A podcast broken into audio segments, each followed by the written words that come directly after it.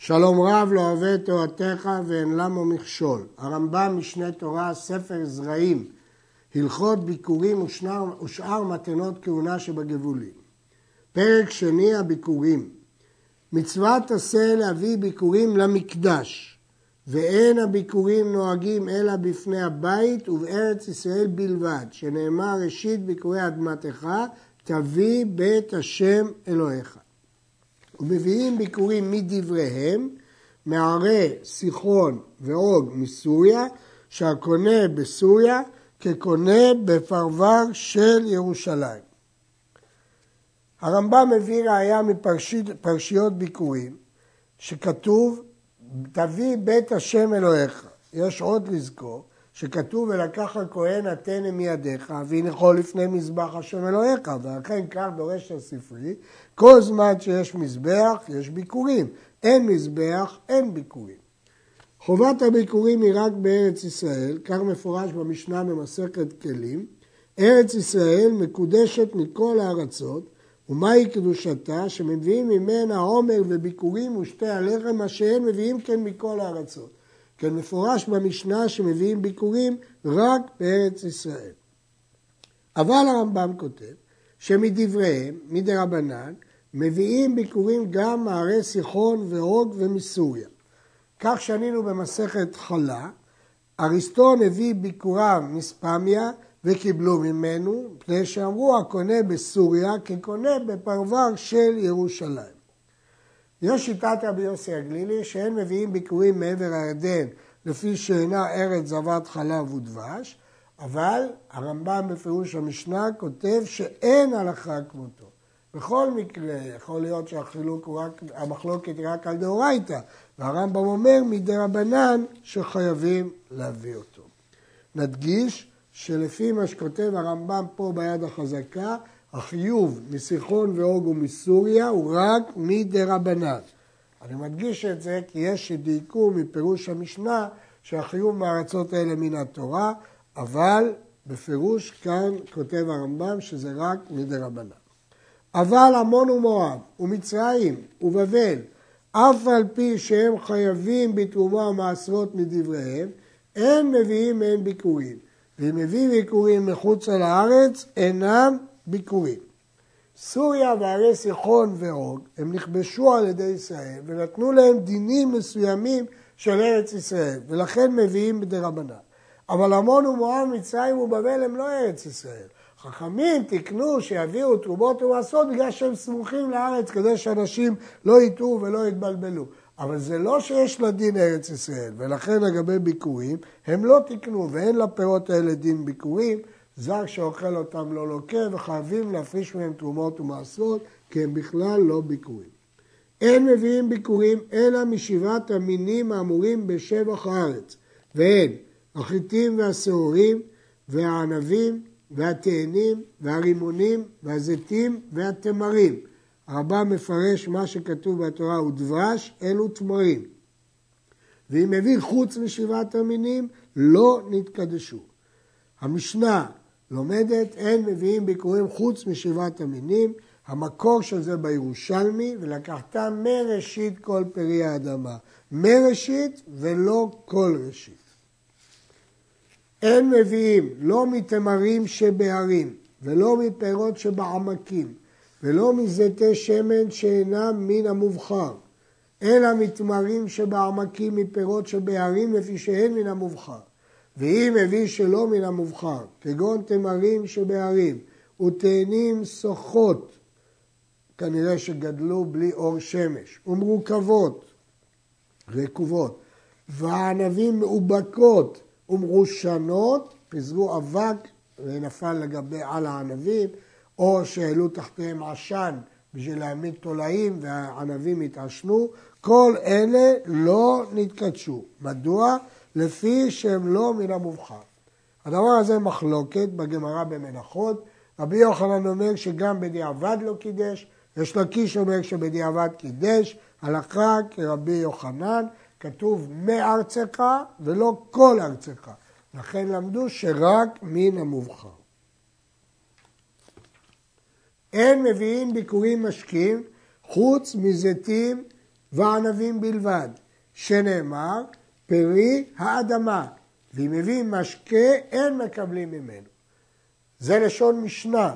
המשנה אומרת אין מביאים ביקורים משקים אלא יוצא מהזיתים וענבים, כי המשקה שלהם חשוב, אבל מהשאר מביאים רק פרי.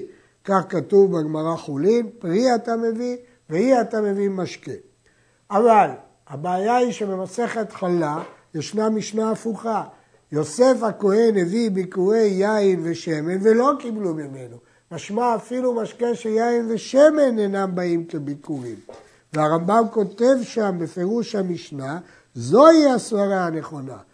ומה שנתבהר במסכת תרומות, אין מביאים ביקורים משקים אלא יוצא מן הזיתים והענבים מסברת רבי יהודה לבדו. כלומר הרמב"ם בפירוש המשנה פוסק כמו המשנה בחלה, שאפילו יין ושמן לא מביאים, כי כתוב פרי דווקא, לא כמו בתרומה. וכך כותב הרמב"ם גם בפירוש המשנה בתרומות. צריך לומר שהרמב"ם חזר בו, כמו שהוא כתב בפירוש המשנה בתרומות, אין הלכה כרבי יהודה. מוכרחים לומר שהרמב"ם חזר בו ופסק בניגוד למשנה בחלה, אלא פסק שאפשר להביא ביקורי יין ושמן. יש ירושלמי שדן בשאלה האם יש הבדל אם הוא ליקט מראש על מנת לעשות משקה, או שמראש הוא לא ליקט על מנת לעשות משקה. אה, ברור שהרמב"ם לא פסק את הירושלמי הזה והוא לא חילק אם מראש או לא מראש, הוא כתב שלא מביאים משקים, אלא יוצא מן הזיתים והענבים בלבד. הקרובים לירושלים מביאים תאנים וענבים לחים, כי הם יותר טובים מיבשים. והרחוקים מביאים אותם גוגות וצימוקים, כי ברור שפירות לחים לא יגיעו לעניין זה. לכאורה משמע שבדיעבד אם מביאים, מקבלים מהם. אין מביאים ביקורים קודם עצרת, שנאמר וחג הקציר ביקורי מעשיך, ואם מביא, אין מקבלים ממנו, אלא יניחים שם עד שתבוא עצרת ויקרא עליהם. וכן אין מביאים ביקורים אחר חנוכה, שהביקורים שביקרו אחר חנוכה, הרי הם חשובים משנה הבאה, ויניח אותם עד אחר העצרת. נשים לב, לגבי חנוכה, הרמב"ם פוסק שהסיבה שלא מביאים ביקורים אחר חנוכה כי היא משנה הבאה. למרות שבהלכה הבאה נלמד שמה שקובע זה ט"ו בשבט, כמו שקובע לגבי כל האילנות, אבל לגבי ביקורים יש עוד דין, שחנוכה גם כן קובעת לגבי ראש השנה. הרב"ד חולק ואומר שהסיבה שלא מביאים אחר חנוכה היא בגלל שהם פסולת, הפירות לא טובים, לא מפני שזה שנה חדשה, כי עד חמישה עשר בשבט זו אותה שנה. זאת הערה אחת. הערה שנייה, הרמב"ם אומר שאם מביא אחר חנוכה, יניח אותם עד אחר העצרת. שואל הראב"ד, איך הוא יכול להניח אחר העצרת? זה יהיו פירות של שנה שעברה. הרי הפירות האלה גדלו בחנוכה לפני חמישה עשר באב. אם כן הוא מביא אותם בשנה הבאה בעצרת, איך הוא יכול להביא? ולכן לפי הראב"ד לא ניתן להביאם. הרמב"ם למד שכל החידוש בשנה זו, שנה הבאה, לא להביא משנה לשנה. אבל כאן הוא מביא אותם, את אותם אלה של שנה שעברה, אין בכך איסור. אין מביאים ביקורים, לא מן החדש על הישן, ולא מהישן על החדש. כיצד? לא יביא מפירות שחנתו קודם חמישה עשר בשבט, על פירות שחנתו אחר חמישה עשר בו. פה הרמב"ם קובע בוודאות שחמישה עשר בשבט הוא התאריך הקובע לגבי חדש וישן, וזה כלל בכל תרומות ומעשרות, כתוב שנה שנה. וביקורים הוגשו, יש היקש בינם לבין תרומות ומעשרות. יש להעיר שהאמרה הזאת היא רק לגבי פירות האילן, אבל לגבי תבואה בוודאי שהדין הוא שונה, כי שם זה לא תלוי בחנתה, אלא בהבאת שליש. אחד הנוטע ואחד העולה מאליו, שנאמר ביקורי כל אשר בארצם. הגמרא לומדת שיש ריבוי גם מה שעולה מאליו. אמנם הגמרא לומדת את זה מפסוק אחר, בשדה, אבל הרמב"ם למד את זה מהפסוק כל אשר בארצם. כבר ראינו פעמים רבות שהרמב"ם מקורות מביא את המקור היותר מתקבל, ולאו דווקא את המקור הכתוב בגמרא. ופירות של שותפים חייבים בביקורים, שנאמר כל אשר בארצם. אמנם כתוב אשר תביא מארצך, משמע בלשון יחיד, אבל כיוון שיש פסוק אחר, כל אשר בארצם, ביקורי כל אשר בארצם, אז זה גם של שותפים, כי זה לשון רבים. הגדל בעציץ, אף על פי שהוא נקוב, והגדל בספינה, אינו מביא ממנו כל עיקר, שנאמר בארצם, אבל מביא מן הגדל בגג ובחורבה. לגבי תרומות ומעשרות יש חילוק בין עציץ נקוב לעציץ שאיננו נקוב. אבל לגבי ביקורים אין הבדל, אלא צריך דווקא מהארץ. לכן בין אם העציץ נקוב ובין אם העציץ לא נקוב, לגבי הלכות ביקורים הוא לא נחשב כקרקע. למרות שלגבי דברים אחרים הוא כן נחשב קרקע. יש אומרים שהלימוד הוא מארצך ולא כל ארצך. בכל אופן, דעת הרמב"ם, שפה גם בעציץ נקוב אין מועיל לגבי ביקורים, למרות שלגבי תרומות ומעשרות הוא נחשב כקרקע. אני רוצה להזכיר שלמדנו שלגבי עורלה ונטע רוואי, אין, גם אין הבדל בין עציץ נקוב ללא נקוב, כי האילן בכל מקרה נוקב את העציץ. ולכן גם כשהוא לא נקוב, למדנו שיש לו דין של קרקע. אבל כאן, בין נקוב, בין לא נקוב, אין לו דין של קרקע, מפני שבביקורים זה דין מיוחד שצריך ארץ. הנוטע אילן בתוך שדהו והבריחו לתוך שדה חברו, או לרשות הרבים, או שהיה נטוע בשדה חברו ברשות הרבים והבריחו בתוך שדהו, או שהיה עיקרו בתוך שדהו והבריך קצתו בתוך שדהו ודרך הרבים או דרך היחיד מפסקת באמצע בין העיקר והצד המוברח, אינו מביא ביקורים. לא ממה שמוציא ברשות זו ולא מן הצד שברשות אחרת, שנאמר ביקורי אדמתך עד שיהיו כל הגידולים מאדמתך. אסור שאפילו חלק מהגידול יהיו במקום אחר. נתן לו חברו רשות להבריך בתוך שלו, אפילו לשעה, הרי זה מביא. כיוון שחברו נתן לו רשות, אפילו רשות לשעה, זה מחלוקת בגמרא וכך הלכה, שאפילו רשות לשעה היא נחשבת רשות. יש דיון באחרונים, אם הוא לא נתן רשות ואחר כך מחל, האם זה מועיל. אבל יש לשאול, הרי אם נתן לו חברו רשות, זה רק פירות, הוא לא נתן לו את הקרקע, הוא רק הקשה, הרשה לו שזה יעבור. צריך לומר שבכל זאת זה מספיק, כי סוף סוף זה נטוע בתוך שלו, זה רק מבריך בתוך של חברו. ואם היה אילן סמוך למצר חברו, או נוטה לשדה חברו, אף על פי שחייב להרחיק, הרי זה מביא ממנו וקורא שעל מנת כן ילכי ליהושע את הארץ. כלומר, למרות שהוא צריך להסיר את זה, ואחרת הוא ייקרא גזלן, אבל ניתנה יהושע שלמרות זאת, אם הוא לא הרחיק, לעניין ביקורים הוא רשאי להביא ביקורים. יש להעיר שהרמב"ם בהלכות נזקי ממון, פרק ה' מנה עשרה תנאים שהתנה יהושע כשחלקו את הארץ, ולא מנה את התנאי הזה. הלכה י"ב, האריסים, הם יש להם חלק בתבואה בשליש וברביע. החוכרים, הם מקבלים כמות של תבואה, לא משנה כמה תצמח. ובעלי זרוע שאונסים את הבעלים ולוקחים ארצותם מהם בפחות, והגזלנים אינם מביאים ביקורים, ואפילו נתייאשו הבעלים, שנאמר ביקורי אדמתך. האריס זה לא אדמה שלו, הוא רק עובד. החוכר זה לא אדמה שלו, הוא רק מקבל סכום. בעלי זרוע הם גזלנים, וגזלנים בוודאי שלא יכולים להביא ביקורים, אפילו אחר ייאוש הבעלים, כי כתוב אדמתך. הקונה אילן אחד בתוך שדה חברו אינו מביא לפי שאין לו קרקע. הקונה שלושה אילנות, יש לו קרקע. אף על פי שאין לו אילנות בלבד, הרי הוא כמי שקנה קרקע. קנה אילן אחד וקרקעו, הרי זה מביא. יש להסביר. אם אדם קונה בפירוש את האילן עם הקרקע, בוודאי שהוא קנה את הקרקע. אם האדם קנה בפירוש את האילן בלי הקרקע, ודאי שהוא לא קנה את הקרקע. אבל בסתם, כשאדם קונה אילן, הוא קונה את הקרקע. כשהוא קונה שלושה, הוא לא קונה קרקע. כשהוא קונה שלושה אילנות, הוא קונה קרקע. וסתם, יש להעיר שהגמרא דורשת ששלושת האילנות יהיו בצורה מסוימת.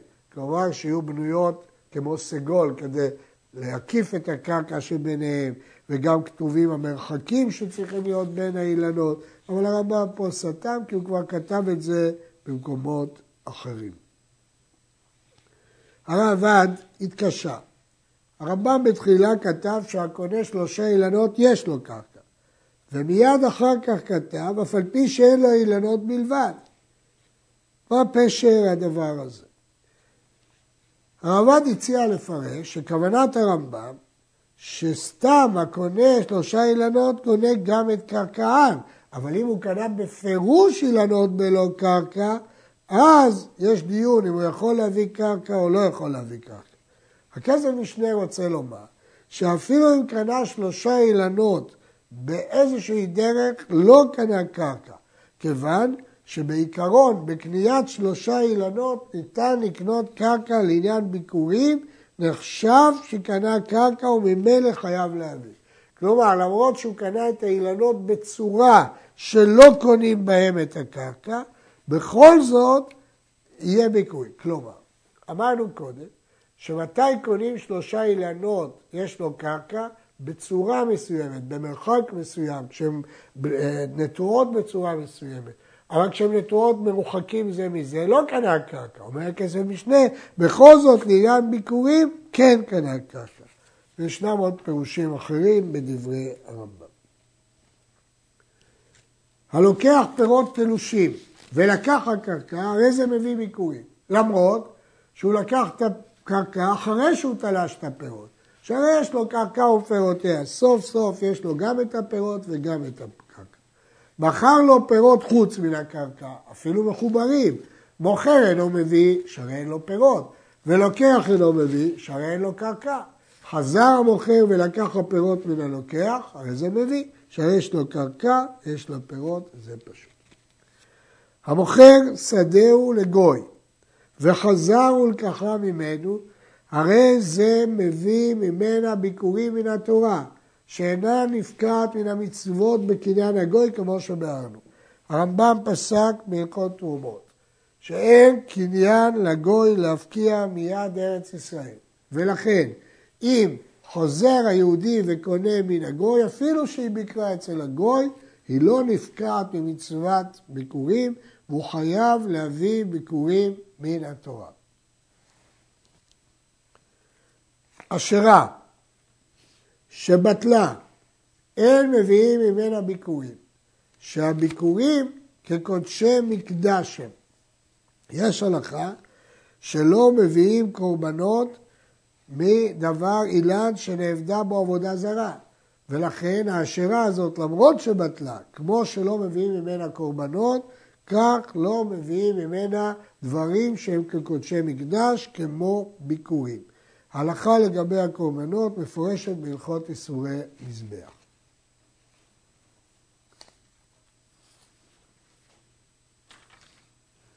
הביקורים, אין להם שיעור מן התורה. אבל מדבריהם צריך להפריש אחד משישים, והרוצה לעשות כל שדה וביקורים עושה.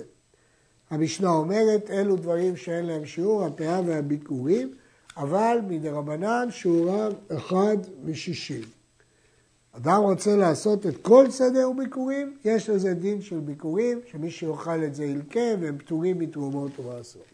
הפריש ביקורם וחזר והוסיף עליהם. או איתרן, הרי התוספת כביקורים. הוא רצה לקשט את הסל, להביא עוד תוספת ביקורים עם כביקורים. אבל יש תנאי. במה דברים אמורים? כשהביא מארץ ישראל. אבל אם הביא מעבר הירדן ומסוריה, אין תוספת הביקורים כביקורים. כך מפורש במשנה שלעניין תוספת הביקורים, המקומות האלה נחשבים כחוץ לארץ ואינם כביקורים. ואף על פי שאינה כביקורים, אינה נאכלת אלא בטהרה. הרמב"ם סובר שלמרות שהובאה מהמקומות האלה שלא מארץ ישראל, מעבר ירדן ומסוריה, כיוון שהוא נתן לזה שם ביקורים, היא נאכלת בטהרה. ואין מעתירים את הביקורים בכל מקום, אלא משבעת המינים. זו מחלוקת תנאים, וכך הלכה, שרק משבעת המינים. כיצד מפרישין הביקורים? יורד אדם לתוך שדהו, ורואה תאנה שביקרה, אשכול שביקר, רימון שביקר, כושרן בגמי, ואומר, הרי אלו ביקורים, והם נעשים ביקורים במחובר משקרא להם שם, ואף על פי שעדיין לא בשלו כל צורכם, ומשגמרו ויתלוש אותם מן הקרקע, אינו צריך לחזור ולקרות להם שם. יש דעה חולקת שסוברת דעת תנאים, שצריך לחזור ולקרוא להם אחרי שתלש אותם, זאת דעת רבי שמעון, אבל אנחנו לא פוסקים כך, אלא כיוון שהוא קרא להם במחובר, הוא לא צריך לקרוא להם שוב. לא הפרישם במחובר ולא קרא להם שם, ותלש את הפירות, הרי זה מפריש אחר שנתלשו. ואם נטמעו הפירות כולם, אינו מביא, אינו מפריש ביקורים בטומאה, אלא מפריש מן הטהור על הטמא לכתחילה. ואם אין לו פירות אחרות להפריש מהם, יראה לי שאינו מפריש בטומאה, שאין מפרישין לאבד. וכן יראה לי שהביקורים שנטמעו אינו מסיק בהם התנור כתרומה טמאה, מפני שהם כקודשי מגדל. הרמב"ם מחדש שני חידושים. חידוש אחד שאין טעם להפריש ביקורים בטומאה מכיוון שהביקורים האלה ילכו לאיבוד, הרמב"ם אומר את זה מסברה, וסברה שנייה, שהם לא כמו תרומת טמאה שהכהן יכול להשיג תחת תבשילו, כיוון שהם כקודשי מקדש, כמו קורבנות, שאסורים בהנאה, ואפילו להשיג תחת תבשילו, ולכן הרמב"ם אוסר להסיק בביקורים שנטמעו. המפריש ביקוריו ונמקו, כלומר נימוסו, או נבזזו, או עבדו, או שנגנבו, או שנטמעו, חייב להפריש אחרים תחתיהן, שנאמר, תביא בית השם אלוהיך, מלמד שהוא חייב באחריותן עד שיביאם להר הבית. לא צריך דווקא לעזרה, אבל עד הר הבית הוא חייב באחריותן. המפריש ביקורם להעלותם בידו לירושלים, לא ישלחם ביד שליח. ואם ליקטן לכתחילה לנת לשולחם ביד שליח, הרי זה מותר לשלחיו. ההלכה הזאת מפורשת בירושלמי, שהוא לא רשאי לשלוח את ביקוריו ביד שליח. אבל אם מלכתחילה בשעת הפרשתם, הם עוד לא התחייבו בקריאה, והוא החליט לשלוח על ידי שליח, הוא יכול לשלוח על ידי שליח. אבל אז הוא לא יוכל לקרוא, כי זה לא אשר נתת לי השם. עד כאן.